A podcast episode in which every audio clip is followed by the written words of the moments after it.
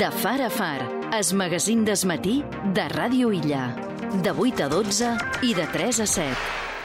El ple del Consell en sessió extraordinària ha donat llum verda al sostre de vehicles al període d'aplicació i a la taxa de la limitació d'entrada, circulació i estacionament de vehicles a les vies públiques a la nostra illa per enguany, amb els vots favorables de Sa Unió i el president Llorenç Córdoba i l'abstenció, en aquest cas de l'oposició, GPRF i el PSOE. Com sempre fem, després d'un ple, doncs volem escoltar les opinions, les reflexions de les diverses forces polítiques de Formentera sobre el que va donar de si aquesta sessió extraordinària dedicada únicament doncs això, a, a l'aprovació del nou Formentera Poneco 2024 bé, i també a la incorporació d'un nou company en el ple insular, que també ho abordarem amb en Rafa Ramírez, el portaveu dels socialistes. Benvingut a Ràdio Illa, conseller. Moltes gràcies, bon dia. Primer de tot, com veieu aquest 2024, aquest Formentera Puneco de, esta temporada? Bueno, pues eh, lo vemos con, con tristeza, ¿no? Es decir, eh, entendemos que, que esa unión no se ha creído el proyecto, ¿no? Es decir, ellos eh, se, han, se, han, hartado de decir durante mucho tiempo que, que, bueno, que los primeros en hablar de regulación de vehículos eran ellos. Estamos viendo cómo en Ibiza lo están parando y estamos viendo cómo, cómo aquí, si un proyecto que no avanza, pues obviamente se congela, ¿no? Y cuando se congela, pues es que tiende pues veremos, ¿no? Pero no, no, nos da buena espina, ¿no?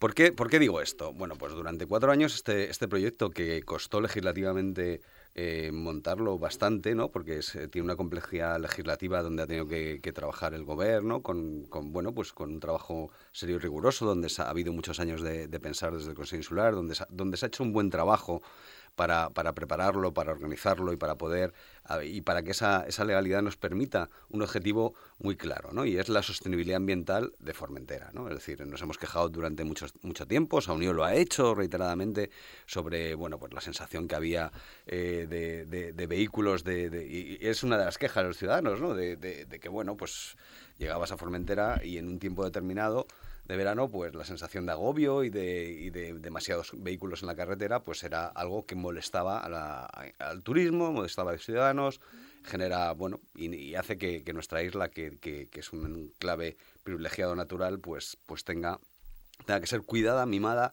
y con, y con caminar hacia esta sostenibilidad, ¿no? Porque al final eh, o somos como somos, o sea, con, con, con esta con esta mm, sensación de que es diferente, que es un destino diferente, que es muy natural, que, que, es tranquilo, que vienes a... O, no seremos nada, seremos otra cosa diferente que, no será viable, ¿no? Entonces, lo que nos parece es que si durante cuatro años se, se reducen, pues, bueno, pues han reducido 2.000 vehículos, eh, durante, eh, bueno, pues ha ido incrementando la tasa, eh, para que fuese cada vez menos interesante traer tu, propio vehículo, ¿no? Y decir, bueno, pues, pues si necesitas un vehículo, pues o, un tipo de movilidad, ir desarrollando el transporte público, eh, movilidad más sostenible, como bicicletas, o incluso, pues bueno, pues alquilar a una empresa de, de, las que están aquí, pues, pues un coche para moverte o una motocicleta, pues, pues bueno, pues está en el camino, ¿no? Y ahora vemos que, que, que solo se reducen unos poquitos, unas poquitas decenas de vehículos este año. Con lo cual, y vemos que se incrementa la tasa eh, solo dos, dos, meses y se incrementa un poquito. ¿no? Es decir, ese no era el objetivo. El objetivo es pues, esa reducción progresiva eh, de verdad. Y luego eh, hay otro elemento ¿no? que, que, también es curioso y que yo creo que la gente también se empieza a concienciar. Es decir, ¿cómo podemos tener más vehículos que residentes? ¿no? Porque esta, esta es la, la clave del siguiente paso de, de este proyecto. Y dices, bueno, los tienes, tienes que empezar a reducir bueno, pues si, si, si, por lo menos hubiese habido una medida de decir, voy a estudiar cuántos vehículos se pueden reducir, eh, porque de los residentes todos entendemos que la población residente no toda conduce. Con lo cual, no es posible que, que si somos eh, 10.500, 11.000 ciudadanos, porque bueno, el censo sabemos que, que hay gente que, que, apenas pasa tiempo aquí. Es decir, ¿cómo puede haber más vehículos? O sea, uno por persona, los niños también conducen, las personas... Es decir, no. Sabemos que alguien pues utiliza, bueno, pues eso de ser residente de una forma que no toca, ¿no? Y si hubiese habido alguna medida, es decir, encaminada a hacer un estudio de cuántos, bueno, pues de, empezar sabía, ¿no? Que sabía, pues quizá hubiéramos entendido que estaban de acuerdo con el proyecto, que, que se lo toman como suyo, aunque no sea suyo, y, y, que están a favor y que tienen intención de que, de que, bueno, pues esta sostenibilidad se vaya cuidando. Bé, eh, tot i això, bé, el, el projecte va prosperar de cara a l'any 2024, de cara a aquesta temporada. Mm, ja, ja per acabar amb aquesta qüestió, mm, com creieu des del PSOE que s'hauria d'haver plantejat aquest Formentera Puneco 2024? Bueno, pues obviamente incrementando más la tasa, haciendo... Eh, Més encara, eh? Sí, claro, Es decir, bueno, es que... Eh, Ho dic perquè ja s'ha incrementat aquest estiu, sí, durant sí. els dos mesos, sí, però, punta. Eh, si, si al final tú vas a pagar, eh, no sé, eh, que, que, es decir, la, la tasa bajo que esto es un criterio un poco personal que no está tampoco ni hablado a nivel político sí. ¿no? de, dentro del propio PSOE pero pero yo siempre he pensado que una tasa de este tipo lo que tiene que ser es decir bueno es que no es rentable llevar el vehículo pero de momento D'acord, o sigui, incrementar la taxa una, eh, què més? Incrementar la taxa, hacer este estudio realmente de este estudio realmente de por dónde hay que ir con el siguiente paso, ¿no? De reducir vehículos de, de, de los ciudadanos, de, de, dels residents, de los també, residentes, eh? claro. Por Alerta que són els que voten, eh, conseller? Sí, sí, claro, y hay que ser valientes, porque lo que estamos viendo, bueno, pues es poca valentía, ¿no? Por ahora. Entonces, bueno, eh, ¿necesitamos 11.000 vehículos para, para 10.000 y pico residentes? Bona pregunta.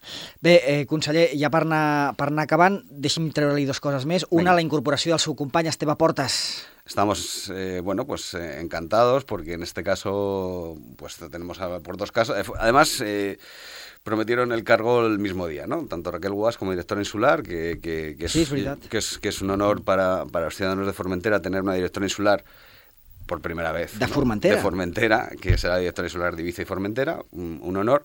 Y, y este ve que yo creo que lo conoce mucha gente, que aportará eh, pues bueno, pues sangre nueva, ideas nuevas y bueno, estamos encantados y le deseamos todos los éxitos del mundo.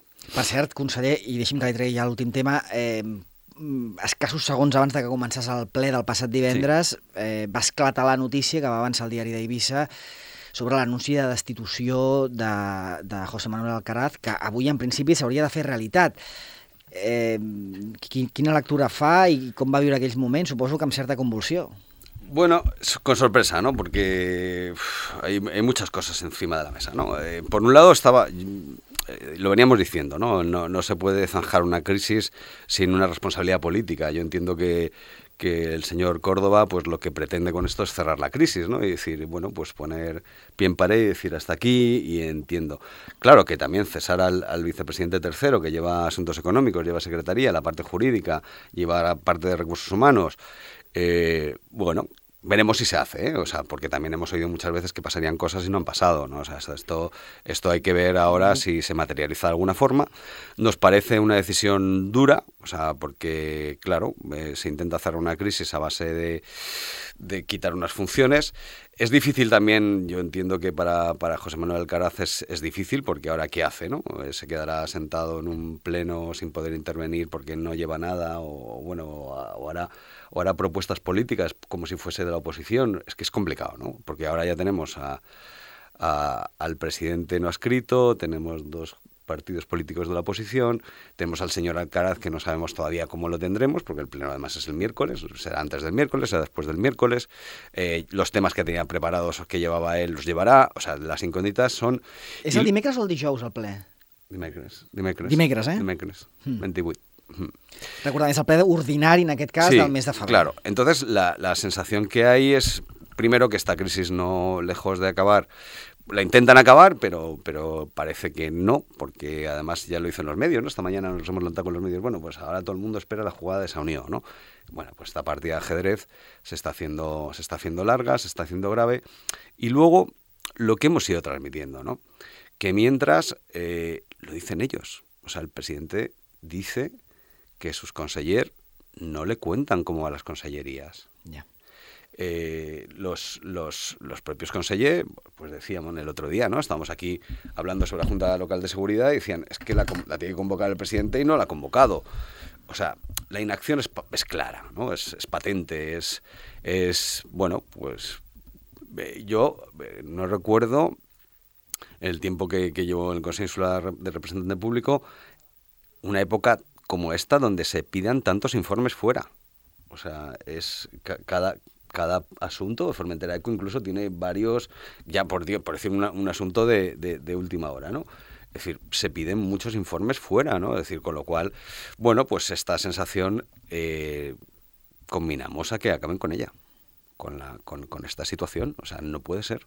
porque los ciudadanos no, no tienen por qué sufrir eh, esta falta de gestión y liderazgo político. Queda clar. Rafa Ramírez, del PSOE, gràcies. Va, més coses, més punts de vista sobre el ple del passat divendres, en aquest cas amb Rafa, Gon amb Rafa González, eh, president, eh, perdó, eh, conseller de Gent per Formentera. Benvingut, conseller. Bon dia, moltes gràcies. Bé, eh, vostè mateix, eh, entenc que, que la seva abstenció és també doncs, per, perquè veu curta aquesta aplicació de Formentera Poneco 2024. Expliqui'ns els motius. Just això, Pepo. Des de Gent per Formentera consideram que Formentera Eco no es va concebre per retirar només 83 vehicles de les nostres carreteres. I més, eh, sent conscients que el propi equip de govern, en el Consell d'Entitats, mos van traslladar que a Formentera encara s'obren 2.000 vehicles. Llavors, si a Formentera s'obren 2.000 vehicles i tens aquesta mesura tan potent i que va ser tan difícil d'aconseguir, que te permet eh, caminar cap a, cap a aquest objectiu, que seria que no hi hagués saturació a la nostra xarxa de carreteres durant l'estiu, la proposta de 83 vehicles queda curta, però molt curta, està del tot insuficient. I, a més, si ho comparam amb la legislatura passada, és que els números són ridículs, perquè la legislatura passada traiem de les carreteres cada any 500 vehicles amb les baixades que fèiem del 4% cada any, eren 500 vehicles que cada any eh, retiraven i que no podien aconseguir autorització i si sumam els 4 anys, al final són 2.000 vehicles que vam treure de la carretera. Doncs amb aquesta situació de que hem tret 2.000 i encara falten 2.000 per treure, ja va 83, la veritat és que no, no, no, no ho entenem. És insuficient i el que sí que podem percebre és el fet que Formentera Eco no agrada, eh, la Unió, l'equip de govern es sent eh, incòmode amb aquesta regulació, però té una acceptació social molt ampla, no es pot llevar, i bueno, anem a disminuir la intensitat i la mantenim allí en, en pal·liatius eh, perquè, no, perquè no la podem llevar del tot. És la sensació que mos dona. Mm, des de Gent per Formentera, quines propostes creuen que haguessin estat enriquidores per a aquest Formentera Poneco 24? Lo principal, el principal és reduir els vehicles fins a arribar en el sostre, en el, qual no, en el número amb el qual no hi hagi saturació l'estiu. Aquesta parlant, és la primera mesura. Estem parlant de, en comptes de tenir uns... Ara tenim ara uns 10.500... És exacte, més o menys de, de regulats, eh? Regulats de 10.500 i el que vostès plantegen, eh, o sigui, 10.500 regulats vol dir turistes i flota de lloguer. Sí. Aquí hauríem de sumar els de residents. Efectivament. Que en sumen... Perquè, perquè la gent es faci una idea. Els números no són exactes, però jo crec que així és més fàcil d'entendre-ho. A Formentera estem sobre els, els 20.000 vehicles. Doncs la meitat són de residents i l'altra meitat són de lloguer i turistes. Doncs bé, eh, dins aquests 20.000 vehicles que hi ha a Formentera a l'estiu i n'hem de treure 2.000 hem d'arribar a uns 18.000 aproximadament per no tenir saturació, hem, pro hem proposat baixar 83. Ja. Eh, D'on es trauria aquests 2.000? De flota de lloguer, de visitants o de residents? Bueno, aquesta és la feina que es tenia que haver fet. Nosaltres, la legislatura passada, vam fer una primera feina que era analitzar quina era la distribució dels vehicles que teníem i aplicar una, unes baixades. La llei ens permet obligar a la baixada en els vehicles de lloguer i en els vehicles dels turistes i eh, mos proposa que baixem els de residents, però no tenim la mesura eh, coercitiva, diguem, perquè, perquè baixin. Mm. Ara el que s'hauria d'haver fet era una nova foto fixa d'en quina situació estem, és a dir, vam fer uns estudis per poder, per poder fer la proposta de baixada d'un 16%. A l'estiu passat, que de fet els estudis estaven encomanats però no es van fer, eh, s'hauria d'haver fet un nou estudi per veure la situació en la qual arribàvem després de 4 anys i tornar a fer una proposta. I dins d'aquesta proposta, la mesura principal ha de ser eh, com anem eliminant aquests dos, 2.000 vehicles i, a més, fer una proposta, perquè tampoc els llevaríem en un any. O sigui, 83 és ridícul, però no llevaríem 2.000 en un any. Llavors hauríem de fer una nova proposta a mig termini per, per baixar aquests, aquests vehicles i, de fet, és una proposta que Gent per Formentera porta per esplà de dimecres de la setmana que ve, que de, d'extraordinari de, de febrer del Consell de Formentera. No sé si breument vol avançar Sí, l'objectiu amb, amb aquesta proposta és eh, que es facin aquest estiu uns estudis, és que es cap de dir que s'haurien d'haver fet l'estiu passat, i que amb aquests estudis, a partir d'octubre, una vegada finalitzada la temporada turística, es pugui analitzar i es pugui fer aquesta proposta a mig termini. Per, per exemple, a quatre anys, per, per posar un exemple. Molt bé. Bé, eh, i ja per anar acabant, conseller, mm, no sé quina lectura feu des de Gent per Formentera d'aquesta d'aquesta nova, d'aquesta nova entrega de, de la crisi de govern insular al Consell. Sí, li, li diré, però si me permet de, de Formentera, que encara Sí, volia, clar. fer, volia fer una menció més. I és el fet de que ens preocupa molt que no hi hagi mesures que potenciïn la mobilitat sostenible, mesures noves. És a dir, nosaltres hem tingut que escoltar durant els últims quatre anys com el PP en el seu dia deia eh, la idea de regular els vehicles era nostra. Nosaltres vam proposar fer una taxa, ho vam proposar el 2012. Nosaltres hem tingut que sentir això. També hem hagut de sentir com la Unió, la legislatura passada, s'abstenia amb, amb les aprovacions en el ple, amb els acords plenaris, i deia perquè estem d'acord amb Formentera Eco, però nosaltres ho faríem millor, nosaltres no ho faríem com altres. I també vam haver d'escoltar, es que ara és president del Consell de Formentera, en el seu dia, quan era candidat, dir que Formentera Eco era una campanya de màrqueting. Doncs divendres va arribar el dia de la veritat i la proposta va ser quasi idèntica, perquè baixar 83 vehicles és quasi idèntic al que van fer l'any passat. I eh, sorprèn, sorprèn que t'estiguin dient que ho faran tot millor i diferent i al final fan el mateix i es queden curts. I en les mesures de sostenibilitat no n'hi ha, no hi ha millor servei, de, no hi haurà millor servei de transport públic aquest estiu, no n'hi haurà. Eh, L'any passat va quedar de l'anterior equip de govern un augment de servei del 10%. Encara voldríem molt més, però es donaven passes en, en aquell sentit. Aquest any no hi haurà millores. Les bonificacions que hi havia l'any passat aquest any seran inferiors, les bonificacions de transport públic. Eren per tothom, ara només seran per residents. Les llicències de taxis queden iguals, no n'hi haurà de noves. Havien pujat un 50% les llic- les llicències de taxi en els últims, en els últims anys. De nous carrils bici, noves rutes verdes, tampoc, no en tenim de noves. Eh, la reparació de bicicletes de residents ha desaparegut. Les regulacions, la zona blava és menys restrictiva, se- serà menys restrictiva aquest estiu que els anys anteriors. O sigui, va en contra de la mobilitat sostenible. S'ha comunicat que la regulació d'escap del verí i calor desmort seguiran, però sí. seguiran. No, no és que n'hi hagi de noves o que es facin diferents, sinó que seguiran. Llavors, on estan aquestes mesures que deien que, que potenciarien la mobilitat sostenible? És que no les trobem per cap banda. I ja han tingut temps, eh, són coneixedors de totes les mesures perquè estaven a suposició i ara ja han tingut els seus mesos i seva temporada turística per enmig per poder prendre noves decisions o com a mínim fer una planificació de quan ho faran, com a mínim. I també m'ho sorprèn molt que es van posar damunt de la taula dos coses de les quals hi estem d'acord, però que ara no les trobam per cap banda en l'acord que vam aprovar divendres passat. Estic parlant de la substitució progressiva de la flota dels vehicles de lloguer. Eh, això que van explicar de que un tant per cent dels vehicles de lloguer hauran de passar a ser elèctrics. Sí. Pa, per això és una llei de canvi climàtic del 2019. És una llei balear. I això ja s'ha d'aplicar sí o sí. De fet, se- s'està aplicant des del 2019 i és el govern balear és competent de, de fer-ho complir. Llavors, proposar una cosa que ja s'està fent i que una administració ja ha de fer, i per una altra banda també eh, els criteris d'etiqueta ambiental. Doncs això ve de la llei estatal de canvi climàtic del 2021. També Formentera està obligat a fer això. Doncs el curiós de tot això és que la llei de sostenibilitat, la llei que mos empara per poder regular l'entrada i la circulació de vehicles, mos permet introduir aquests temes, és a dir, lleis que han aprovat l'Estat i el govern, naltros també introduir-ho dins l'acord de ple i naltros controlar que això es faci, i no ho han fet. Perquè te mires, ells van dir una cosa en el Consell d'Entitats, de que hauria això, i que apostaven per això, perquè nosaltres interpretam que la Unió virarà i ja no parlarà de reduir vehicles, sinó que parlarà a canviar la tipologia de vehicles que siguin més sostenibles, i hem de dir una cosa, un cotxe de gasolina i un cotxe elèctric, a nivell de saturació és el mateix. A nivell de contaminació no, però a nivell de saturació ocupa el mateix espai circulant i aparcant.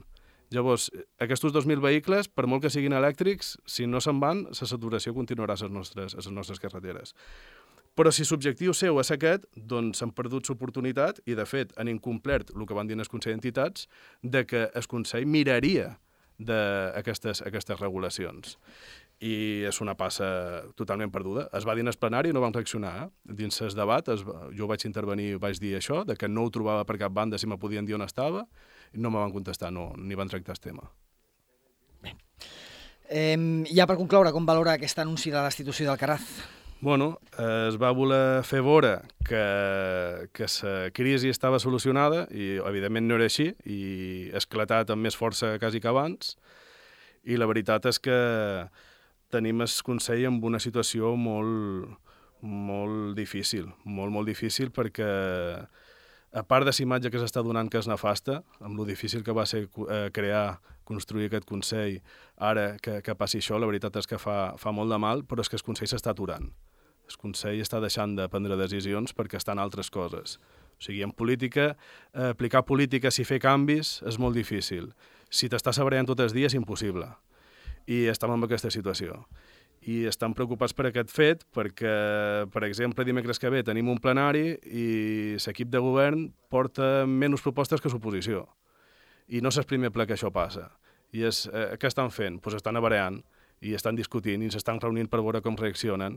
I avui estirem tots atents a veure eh, si el president finalment executa el que va dir que faria, perquè ja hem tingut precedents en què no ho ha fet, eh, després a veure la Unió si s'ha reunit o s'ha de reunir i a veure com reacciona. La veritat és que no és la situació en la qual hem d'estar. Hem d'estar parlant de, de propostes i de posar solucions a Formentera perquè s'estan acumulant molts de temes. S'estan acumulant molts de temes. La temporada turística ve i en aquest ritme hi haurà mancances dins la temporada turística. Rafa González és conseller de Gent per Formentera a l'oposició. Moltes gràcies per atendre'ns. Moltes gràcies a vosaltres, com sempre. Va, 9 i 49, 4 i 49, tot seguit la valoració de sa unió amb Verònica Castelló d'aquest Formentera Puneco 2024. Després, amb la mateixa consellera també de Gestió Ambiental, xerrarem eh, doncs, d'aquests conflictes amb eh, Presero, amb els treballadors de Presero, per l'assumpció de, la, de la nova contracte de residus i neteja del municipi de Formentera. Informació, entreteniment, diversió. De far a far, a Ràdio Illa. Vols formar part de l'equip que fa realitat Ràdio Illa Formentera? Desitges dir-hi la teva? Fer arribar els teus suggeriments? Implicar-te en una ràdio que fa feina perquè Formentera disposi d'un mitjà de comunicació plural, pròxim i de qualitat? Festa soci de l'Associació Cultural Audiovisual de Formentera, a ACAF. Envia un correu electrònic a acaf.radioilla.gmail.com i ens posarem en contacte amb tu. Ràdio Illa, la ràdio de Formentera.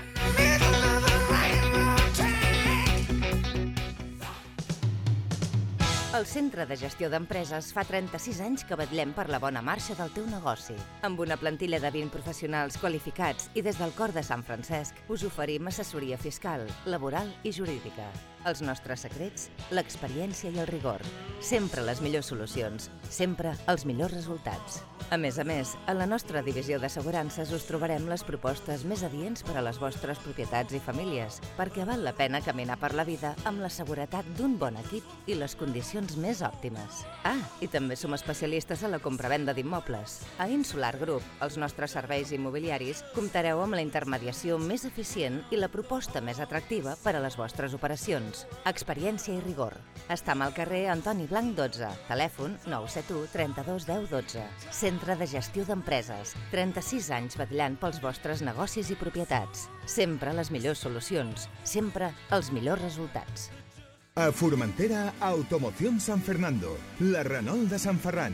Som una empresa local i familiar amb més de 40 anys d'experiència. Un taller mecànic on només hi ha lloc per la qualitat, la professionalitat i el compromís amb el client. Tractem en teu vehicle com si fos el nostre. Vine per a la teva revisió anual i et garantim el millor manteniment. Problemes de carrosseria, pintura, electricitat, climatització, pneumàtics... Naltros ens en cuidem. Has de passar la ITV? També ens n'encarreguem. I sempre amb un vehicle de cortesia pels nostres clients, perquè la vida segueixi rodant. Automoción San Fernando, especialistes en Renault i Dacia. I ara, a més a més, també desinfectem amb ozó. A Formentera, Automoción San Fernando, la Renault de Sant Ferran.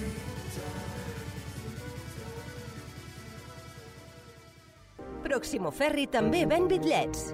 Planifica i compra els teus bitllets de ferri a booking.proximoferri.com, el motor de reserves de Proximo Ferri que et connecta amb la península i la resta d'illes. La propera vegada, booking.proximoferri.com. A Ràdio Illa, de far a far, de 8 a 12 i de 3 a 7. Es magazín desmatí de Formentera. Va, i tot seguit doncs, ens falta la darrera peça per acabar de configurar aquestes visions i punts de vista del ple del passat divendres, aquest ple extraordinari que es va celebrar per poder aprovar doncs, aquest Formentera Puneco 2024. Recordem, el Formentera Puneco és el sistema de regulació d'entrada i circulació de vehicles a Formentera, que començarà a aplicar-se l'1 de juny i acabarà l'últim dia de setembre. Teníem nosaltres a la consellera de Mobilitat, na Verònica Castelló, que va defensar aquest assumpte en el ple del passat divendres. Molt bon dia dia, consellera. Bon dia a tothom. Bé, vostè mateixa, eh, si ens vol fer cinc cèntims de com serà aquest Formentera Puneco 2024, després ja, si vol, podem passar a repassar eh, quines són les seves contraargumentacions respecte a les crítiques de l'oposició. Bé, eh, varen portar a plenari allò que s'havia decidit eh, després de les dues sessions que s'havien convocat en el Consell d'Entitats. Eh, en primera instància, aquesta vegada no s'havia pogut decidir sobre el període d'aplicació del Formentera Eco perquè per, per temps la llei marca que abans de tres, que com a, és a dir, que tot ha d'estar aprovat un mínim de tres mesos abans d'entrar en vigor, per tant, eh, no podíem eh, oferir un, un període més ample des que havia estat en el 2023, per tant, enguany tornarem a repetir un període d'aplicació de la regulació de su de, de su de juny en el 30 de, de setembre. Per tant, per aquesta part d'aquí eh, no podem atendre aquella petició oficial for, mm, formal que va fer la PIME, que quan havíem mantingut la reunió amb ells el 26 de gener ja els hi havíem comunicat que, no, que ens sabia greu, però enguany no, no podíem ampliar període. Sabem que, que és, un, és una opció que tothom voldria, però enguany mm, se, mm, deman disculpes, però els temps se mos ha vengut damunt i, sí, no, bueno. i no pot ser així. Mm. Eh, però bé, mm, més que res és que hem tingut, um, hi ha hagut un canvi de, de govern, un, un temps en què necessites uh, percebre com va tot, Clar. I, i com vaig estar dient en l'estiu, sempre quan se, quan se me demanava per com estava anant es Formentera Eco l'estiu passat, ja era una cosa que, que, que deia i, i segueix dient que tenim, tenim demanat uh, una anàlisi de, del projecte, perquè fa cinc anys que, que s'està aplicant aquest projecte, i de, de, de veure eh, com està anant i, i, i cap a on el podem encaminar no? perquè eh, l'altre dia en el plenari els dos partits de suposició demanaven, i, i per el plenari dels dimecres et demanen eh, una visió a mig termini de, de l'aplicació del Formentera Eco.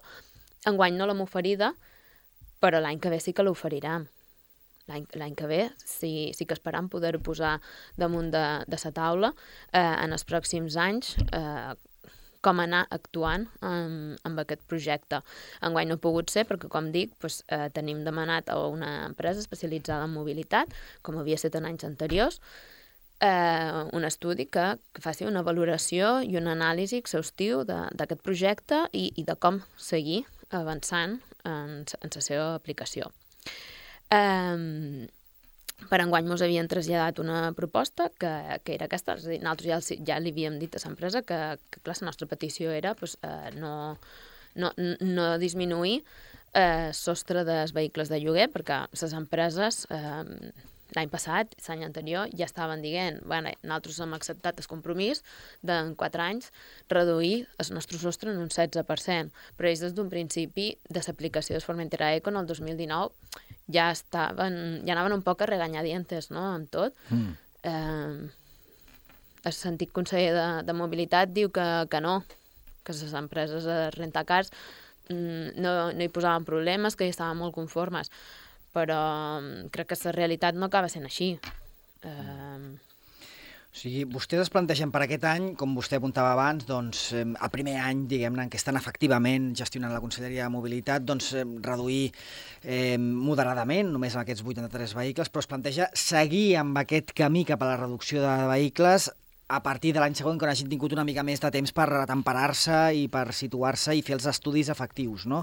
Sí, exacte. Uh, a veure, creiem que uh, el que hem de fer és, és treballar, seguir posant el, el sostre, seguir treballant amb el sostre per a aquells vehicles que ens visiten.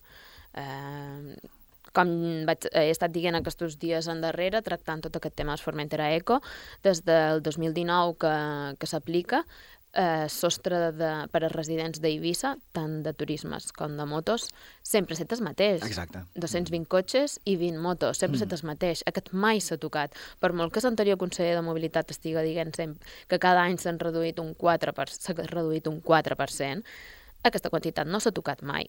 Val, Per tant- Un 4% visitants i flota de lloguer, però en el cas particular dels residents a Eivissa, que poden venir de forma gratuïta més, però han de reservar, aquests sí que no, no s'han mogut.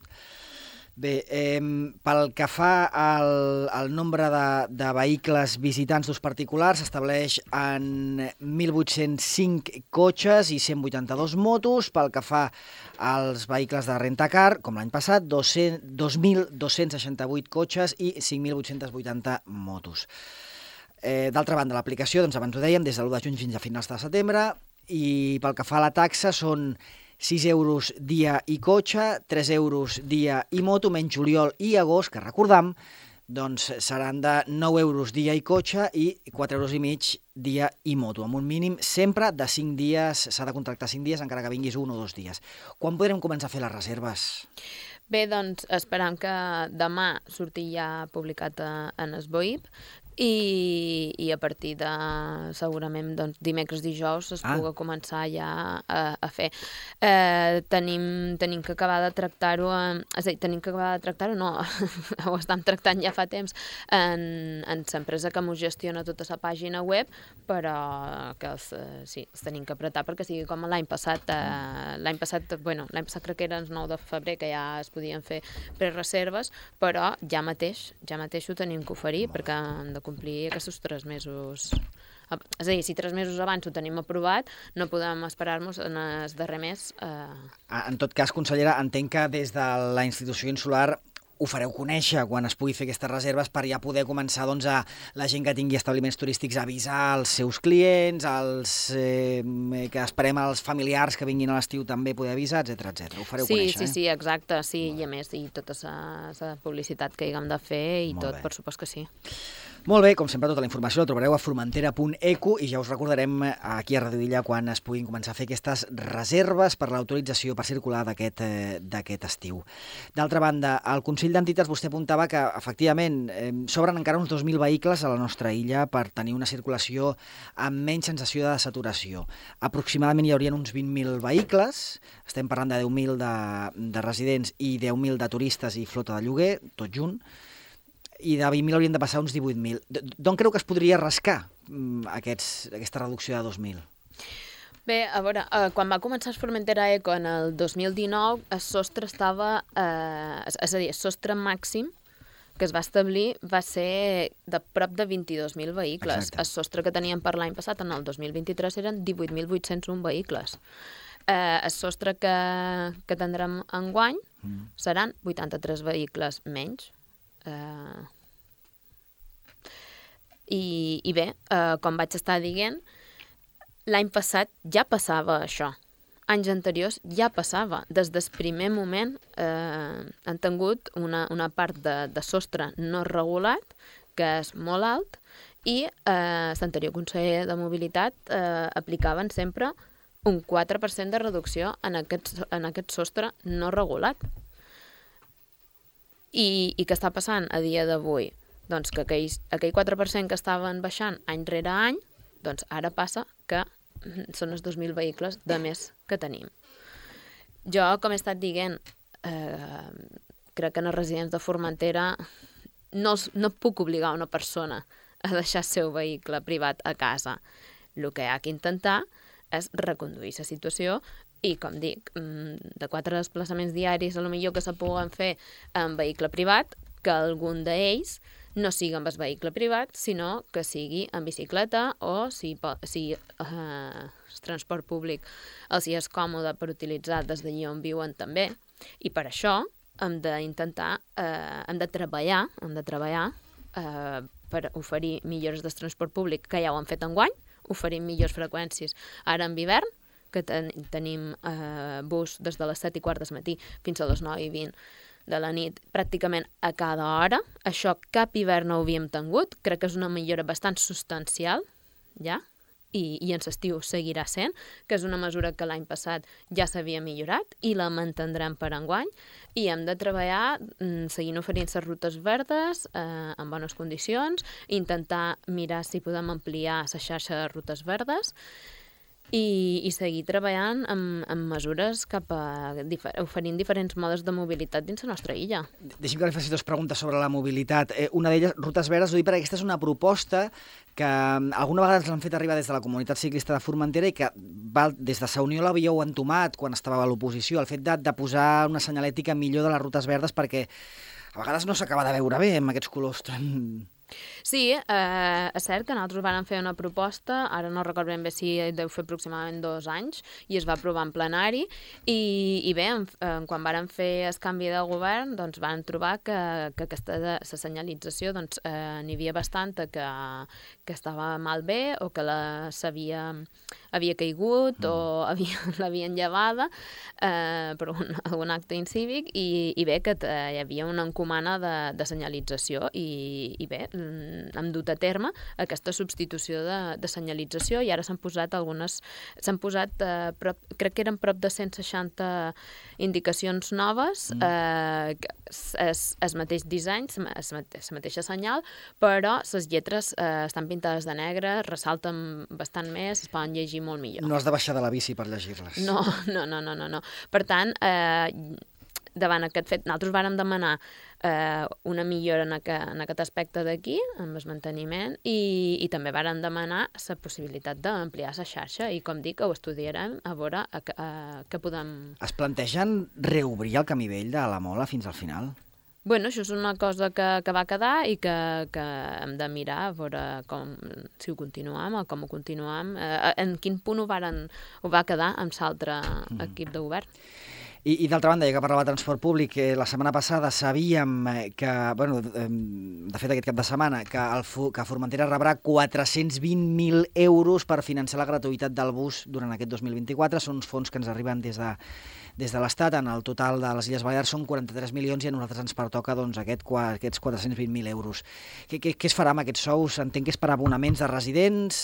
Com anirà això? És eh, la mateixa ajuda de l'any passat, eh, que bé, finalment doncs, eh, sí que mos, eh, van pagar-nos aquesta ajuda, bueno, mos, eh, part, encara no l'hem rebuda tota, al final sí que eh, vàrem aconseguir poder-ho justificar, i, I bé, estem treballant en poder fer el canvi, a digitalitzar el sistema tarifari de, de, del transport públic abans de, de treure la nova contrata. I,